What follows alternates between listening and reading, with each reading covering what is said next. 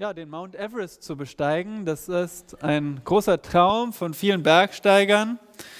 Und so mit 14 Jahren habe ich mich auch habe ich angefangen, mich dafür zu interessieren für den Himalaya. Und nun der Mount Everest ist kein zu schwerer Berg, sagt man. Und so gibt es auch viele viele Bergsteiger, die dieses Zeitfenster nutzen im Mai, diese wenigen Tage, wo man auf diesen Berg hochsteigen kann.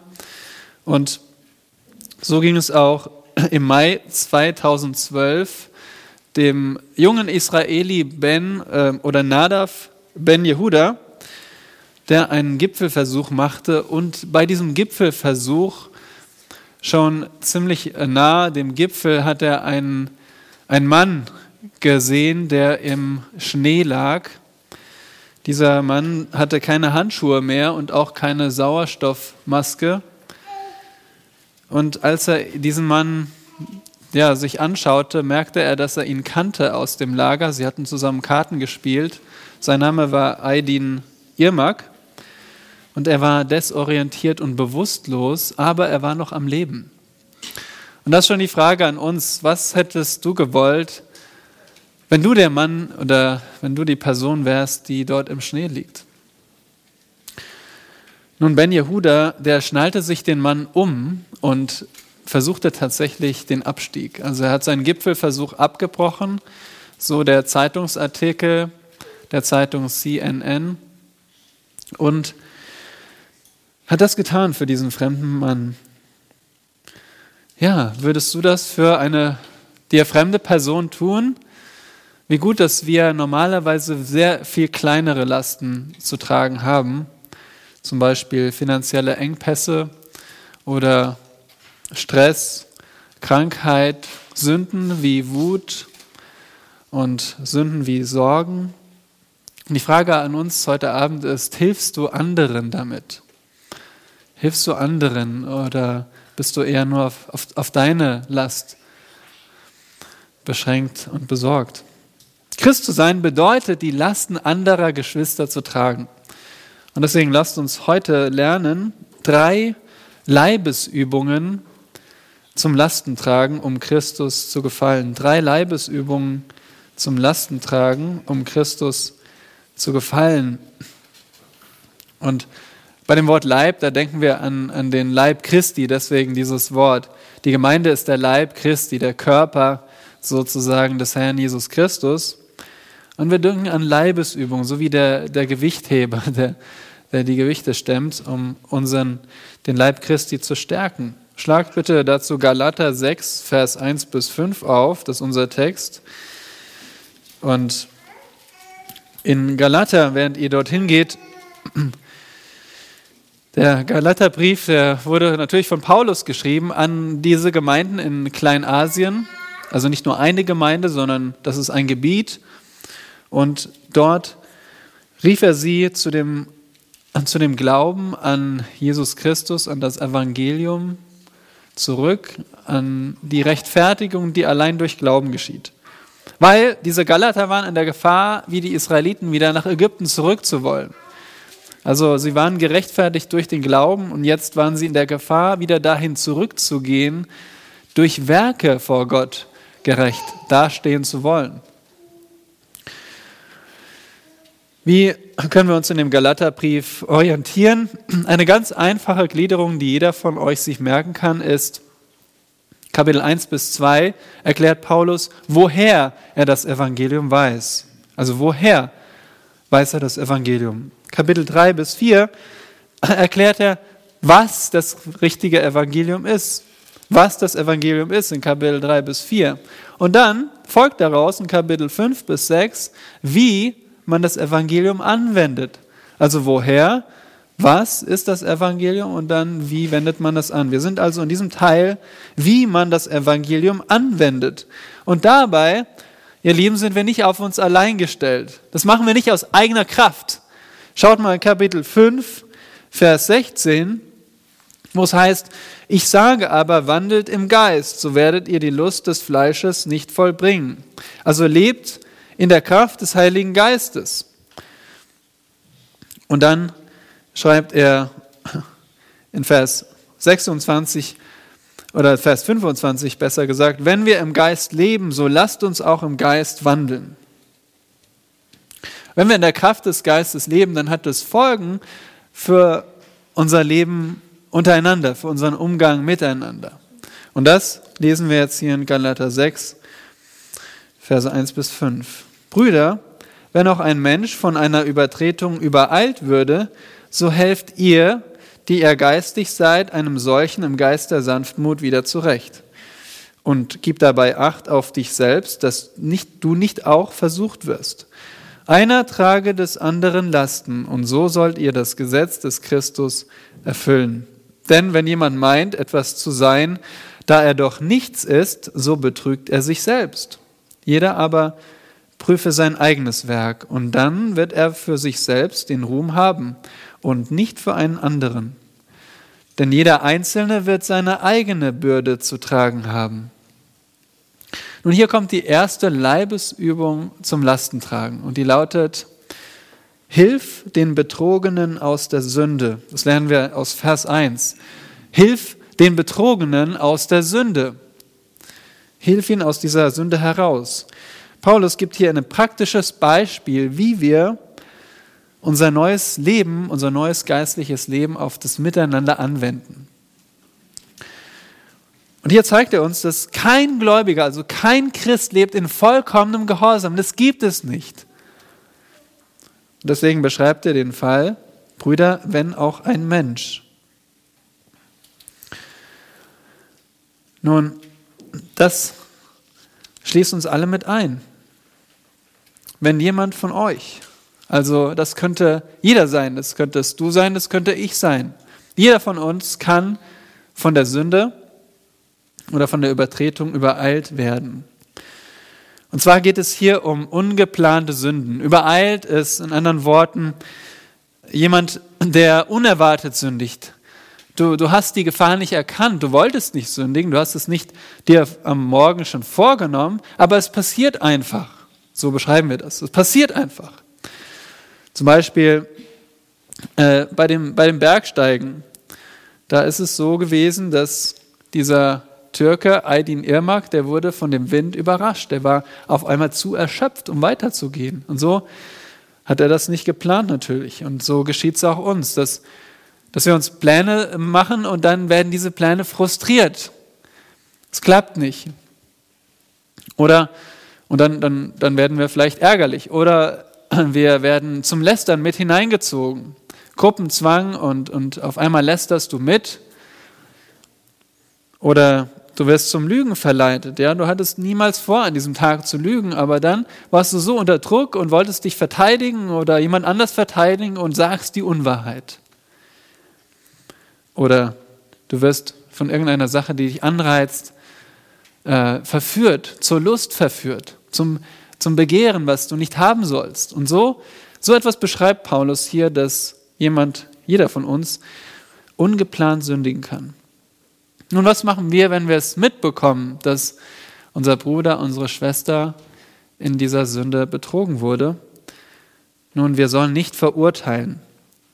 Warum sagt Paulus das hier vor allem den Galatern? Weil die Galater waren in der Gefahr, dass sie jetzt selbstgerecht würden, dass sie denken, sie könnten durch Werke vor Gott gerecht sein. Nun, niemand kann durch das Gesetz gerecht werden. Das steht zum Beispiel in Galater 2, Vers 16. Doch weil wir erkannt haben, dass der Mensch nicht aus Werken des Gesetzes gerechtfertigt wird, das geht nicht. Wir können nicht durch unsere Werke irgendwie besser vor Gott dastehen. Und aus diesem Grund ja, gibt es auch keinen Platz für Selbstgerechtigkeit, weil selbstgerechte Menschen sind hart zu anderen. Solche, die von sich selbst überzeugt sind, ich bin richtig, dann sind automatisch die anderen falsch und sie sind hart zu anderen. So sagt zum Beispiel der Herr Jesus über die Pharisäer in Matthäus 23, Vers 4, dass sie schwere Lasten aufbinden. Warum? Weil sie kein Erbarmen hatten, weil sie sich selbst so gerecht sahen und deswegen ja, Gefallen daran hatten, die, andere, die anderen mit vielen Regeln zu knechten. Also verurteil nicht, Aber was sollst du tun? Stelle den Betrogenen wieder her. Also, das wird hier ausgedrückt, so helft ihr, die ihr geistlich seid, einem solchen wieder zurecht. Dieses Zurechthelfen, damit drückt die Übersetzung aus, was Paulus mit einem medizinischen Begriff beschreibt. Ähm, dieser Begriff beschreibt das, das Einrenken eines gebrochenen oder ja, das, das, das Richten eines gebrochenen oder ausgerenkten Knochen. Wer von euch hat sich schon mal einen Knochen gebrochen? Bei mir war es nur ein, ein kleiner Knochen, aber ich habe es mitbekommen, als wir in Israel waren und eine Reise Mitreisende äh, gestürzt ist und ihr Handgelenk war gebrochen. Das war richtig so eine, eine Treppe, eine Treppenstufe in, in dem Handgelenk. Muss äh, furchtbar geschmerzt haben. Und dann sind, sie, sind wir direkt zum nächsten Krankenhaus gefahren und und dann ging auch noch so ein Arzt äh, mit, der, der auch mit der Teil der Reisegruppe war. Der war zwar ein Augenarzt, aber es hilft ja immer, wenn ein Arzt mitgeht und so ein bisschen daneben steht. Nun, was sie dort gemacht haben in diesem Krankenhaus, was gerade in der Nähe war in Israel, die haben tatsächlich diesen Knochen gerichtet. Die haben das also äh, ja richtig mit, weiß nicht, ob die da dann gezogen haben und dann wieder an den Platz gerückt haben. Auf jeden Fall ist diese Frau dann bald wieder zu uns zurückgestoßen und in Amerika haben die Ärzte nur gestaunt.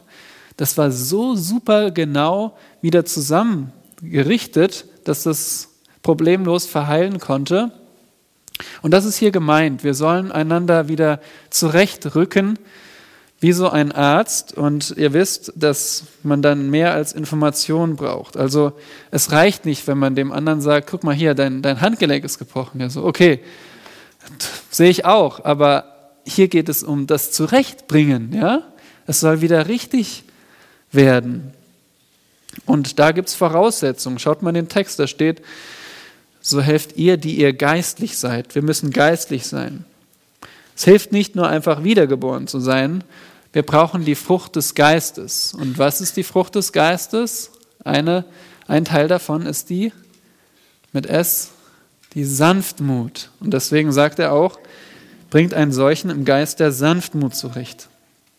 Das ist ein schmerzhafter Prozess, jemanden darauf hinzuweisen, dass er in Sünde gefangen ist oder betrogen wurde von einer Sünde. Würdest du einen Arzt wählen, der dich gern leiden lässt? Der vielleicht die Wunde noch extra schmerzen lässt? Niemals. Und so sollen wir nicht solche sein, die noch weiter in der Wunde poolen, sondern die das möglichst schnell zur Heilung bringen. Und so sagt der Herr Jesus, wie wir das tun sollen, nämlich sehr behutsam.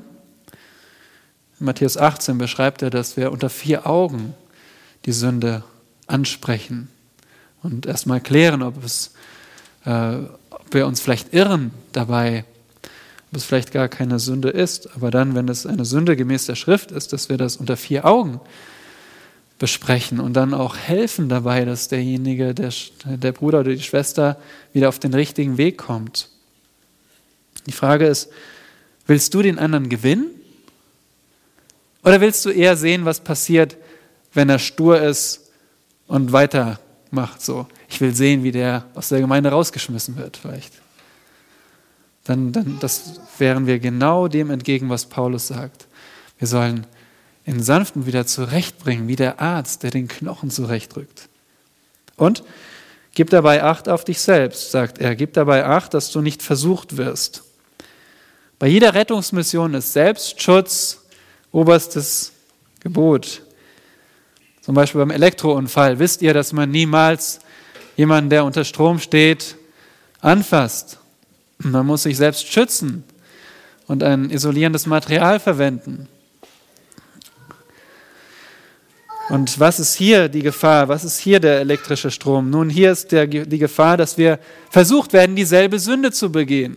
Dass wir davon hören und, und die Details vielleicht kennenlernen und dann überlegen, hm, das, das könnte ich selbst mal ausprobieren, bringt vielleicht etwas Spaß. Dass wir vielleicht beim Lästern auf einmal mit versucht werden, auch mitzulästern, wenn wir davon erfahren. Aber die andere, die andere Gefahr ist, dass wir stolz werden, dass wir, wenn wir von der Sünde eines anderen erfahren, dass wir dann auf den herabschauen, uns selbst besser fühlen. Aber das sollen wir nicht tun. Wir, jeder von uns muss diesen Entschluss haben, ich möchte so weit wie möglich von der Sünde entfernt sein. Weil wenn ich mit in die Sünde reinfalle, dann was haben wir gewonnen? Dann haben wir zwei, die in Sünde betrogen sind. Wie wunderbar hat unser Meister Herr Jesus das gemacht. Erinnert ihr euch, wie er Petrus zurechtgebracht hat? In Johannes 21, wie behutsam und wie liebevoll er vorgegangen ist, wie er ihn unter vier Augen gesprochen hat und dann ihn gefragt hat, liebst du mich? Petrus dreimal. Und er hat gesagt, ja, du weißt, dass ich dich lieb habe. Und so sagt er, weide meine Lämmer. Und so hat er ihn wieder eingesetzt in den Dienst. Er hat ihn zurechtgebracht. Er war nicht der für sein Leben lang ruinierte, am Boden zerstörte Petrus oder der Fischer. Er wurde der Apostel. Er wurde für den Herrn Jesus so wertvoll, weil er zurechtgebracht wurde. Geschwister, ignorieren wir nicht die Sünde des anderen aus eigener Bequemlichkeit, weil es einfach unangenehm ist, Sünde anzusprechen. Nein, tritt der Sünde entschieden entgegen und hilf deinem Bruder oder deiner Schwester wieder auf den Weg des Gehorsams. Und so lasst uns die zweite Leibesübung zum Lastentragen lernen, nämlich zweitens, erleichtere dem anderen die Last. Erleichtere dem anderen die Last. In Versen 2 bis 3. Und hier geht Paulus von der spezifischen Frage der Sünde zum allgemeinen Prinzip. Also dieser Fall, jemand ist in Sünde betrogen, das ist ein Spezialfall vom Lastentragen. Jetzt kommen wir zum allgemeinen Prinzip. Das allgemeine Prinzip ist, wir sollen einander in allen Bereichen des Lebens unterstützen. Erstens geht es natürlich darum, kenne die Last des anderen. Einer trage des anderen Last. Nun, das setzt voraus, dass ich darum weiß, was die Lasten des anderen sind. Eine Last ist ein Gewicht, etwas, das beschwerlich ist. Das kann der Kampf mit der Sünde sein, aber es können auch Entscheidungen sein. Eine Entscheidung, die schwer ist und die auf einem lastet. Oder Zweifel, Sorgen, Beziehungsprobleme oder auch körperliche Schwierigkeiten sind alles Lasten, die uns schwer fallen. Und Gott erwartet nicht, dass wir unsere Lasten im Leben alleine tragen. Ist das nicht schön? Hier steht in Vers 2, einer trage des anderen Lasten. Einander, also das muss auf Gegenseitigkeit beruhen. Das heißt nicht, ich bin jetzt derjenige, der jedem meine Lasten aufhäuft. Ich erzähle allem alle meine Probleme und erwarte, dass jeder das mitträgt. Aber weigert euch auch nicht, die Last bekannt zu machen. Denn es heißt ja hier, einer trage des anderen Lasten. Das heißt, irgendwie müssen wir es ja auch wissen. Und so teile die Last. Wie machst du das? Durch zum einen Mitgefühl, Gebet, aber auch das Mithelfen. Also auch praktisch. Es kann sein, dass du zuhörst, dass du mitberätst bei Entscheidungen zum Beispiel, dass du mitbetest oder auch mit anpackst, wie zum Beispiel bei einem Umzug, der auch bald ansteht. Und so habe ich das selbst erlebt in meiner Zeit in Amerika in der, im Hauskreis. Da gab es ein, ähm, ein Mitglied des Hauskreises, der hatte also sehr starkes Asthma und seine so Wohnung war sehr staubig. Und dann haben wir als Hauskreis so einen Tag vereinbart, wo wir alle gekommen sind und äh, für ihn die Wohnung oder mit ihm sauber gemacht haben. Und es geht ja nicht nur darum, dass wir, obwohl für ihn war es einfach sehr schwierig, er konnte da nicht viel mithelfen. Generell ist es nicht so gemeint, dass wir jetzt sagen, tragt meine Last und ich lade euch ein und ich setze mich hin und ihr macht die ganze Arbeit. Nein, wir sollen schon miteinander das machen. Aber in diesem Fall war das so ein Beispiel, wie wir diesen Bruder dann mit seiner Last tragen konnten. Und so erwarte nicht, dass andere immer kommen und ihre Lasten mitbringen, sondern suche nach diesen Gelegenheiten. Sage nicht, ja, mir hat keiner was gesagt, sondern wir sollen auch die Augen offen halten. Warum ist das so wichtig? Schaut mal hier den zweiten Teil des Verses 2 heißt, und so sollt ihr das Gesetz des Christus erfüllen. Das ist keine Nebenbemerkung, das ist der Kern unseres christlichen Lebens, einander die Lasten zu tragen. Paulus sagt, das ist, so erfüllen wir das Gesetz des Christus. Nun, was ist das Gesetz des Christus? Es könnte das Gebot der Nächstenliebe sein, so denken manche. Aber Paulus ähm, er, er schränkt dieses Gesetz Christi nicht näher ein. Und darum bin ich überzeugt, das Gesetz Christi ist einfach die Gesamtheit aller Gebote im Neuen Testament. Nicht nur das, was der Herr Jesus gesagt hat, alle Gebote, die wir im Neuen Testament finden. Denn der Herr hat auch durch seine Apostel und die Schreiber des Neuen Testaments gesprochen. Und so sind wir nicht ohne Gesetz, ohne Befehle. Wir haben viele Befehle im Neuen Testament. Und Paulus sagt, so sollt ihr das Gesetz erfüllen. Besser ausgedrückt, so bin ich überzeugt, besser übersetzt ist, so werdet ihr erfüllen. Also mit Gewissheit. Und das ist doch toll, oder? Um, um den Willen Jesu Christi zu erfüllen, brauchst du keinen langen Katalog auswendig lernen. Nein, es reicht dieser Befehl, einer trage des anderen Lasten. Das, das ist der Weg, wie wir den Willen unseres Herrn erfüllen. Und das ist auch keine, keine schwere Last. Das bringt Freude. Habt ihr das nicht schon mal erfahren, wie ihr jemandem geholfen habt, eine Last abzunehmen und wie das dem anderen wirklich geholfen und hat und ihn fröhlich gemacht hat? Und ihr freut euch dann automatisch mit, ja, dass ich dir helfen konnte. Das da werden wir selbst gesegnet. Und jetzt in Vers 3 unterstützt Paulus das noch. Er erklärt uns nämlich, dass dieses Lastentragen in unseren Köpfen beginnt. Also wir müssen erst richtig denken, damit wir auch dieses Lastentragen tun. Hier steht, denn wenn jemand meint, etwas zu sein, da er doch nichts ist, so betrügt er sich selbst. Ein Kommentator Lenski hat mal gesagt, Selbstgefälligkeit macht schlechte Helfer. Also was du von dir selbst denkst, das bestimmt, wie du mit anderen umgehst. Kurze Frage, welche Note würdest du dir moralisch geben? Also wenn es eine Note für Moral gibt.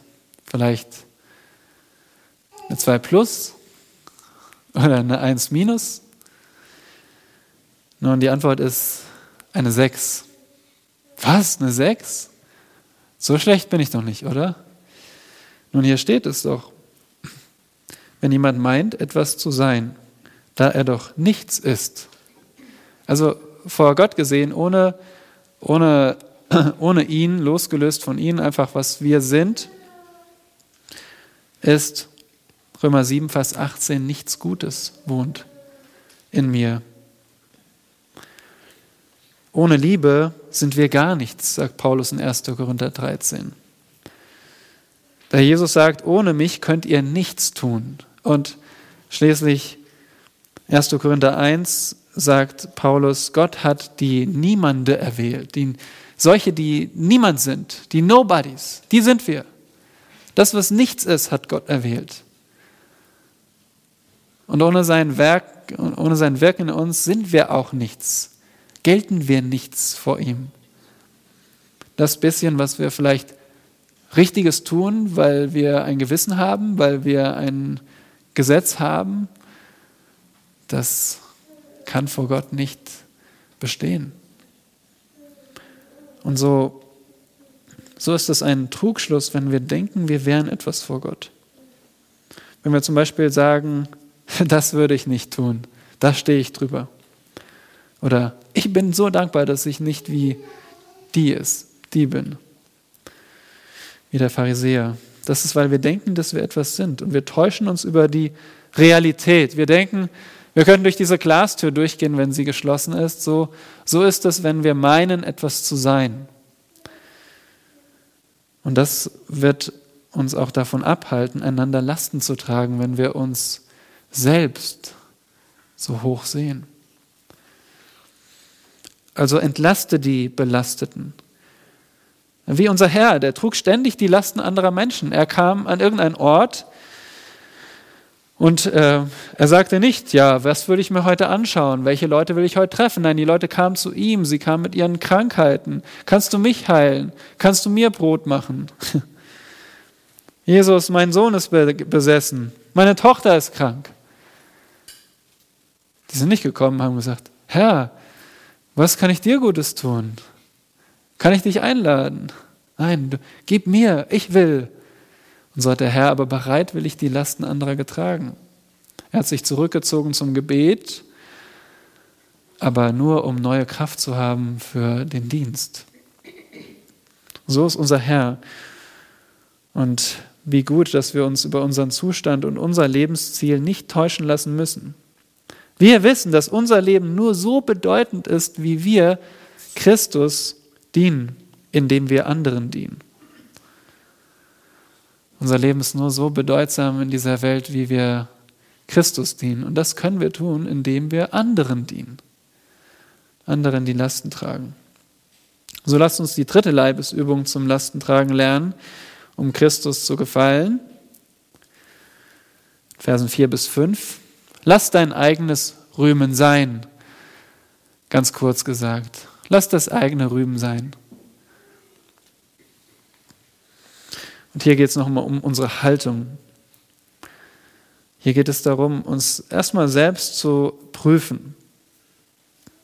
Ja, du bewertest dich gern, dann schau auf deine eigene Arbeit, sagt der Text hier in Vers 4. Jeder aber prüfe sein eigenes Werk. Also nicht vergleich dich mit den anderen. So, wenn ich mich mit dem drogenabhängigen Obdachlosen vergleiche, dann sage ich, oh, ich bin doch eigentlich gar nicht so schlecht. Aber mit wem vergleichst du dich denn? Der einzige richtige Maßstab ist, wenn wir uns mit Jesus Christus und mit seinem Gesetz vergleichen.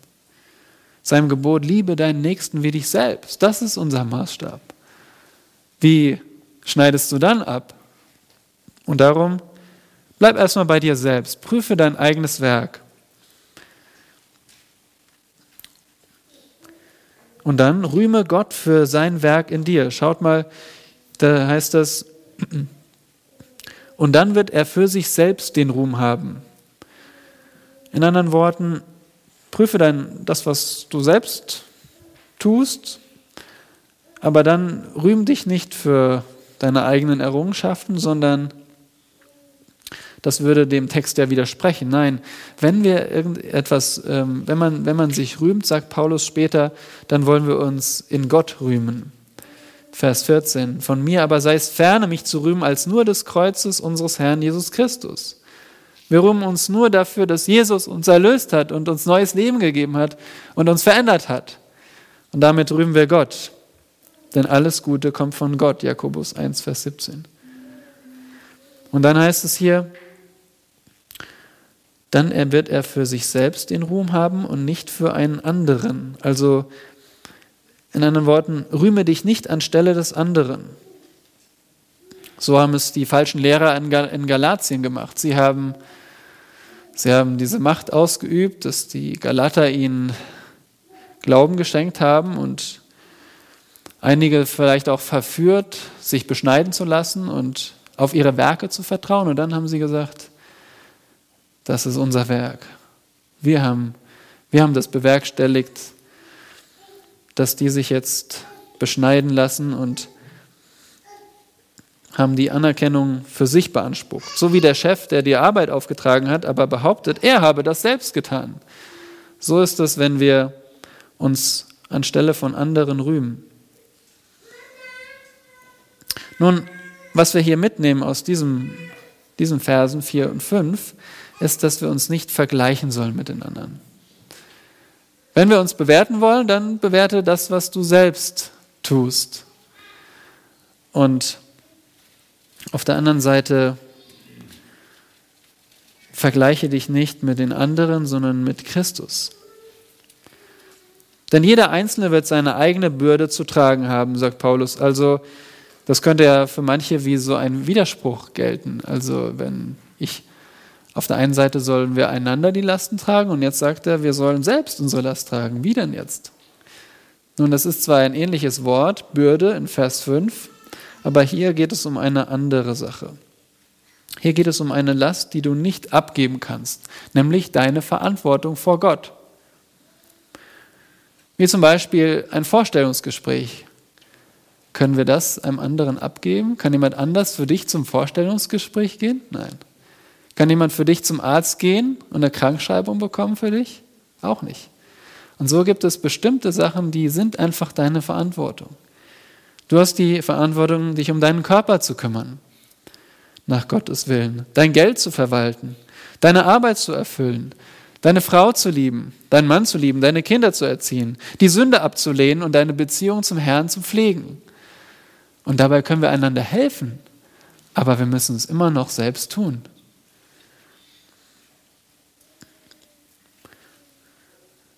Und so werden wir jeder unsere eigene Bürde zu tragen haben, weil jeder von uns selbst für sich Rechenschaft ablegen wird vor Gott.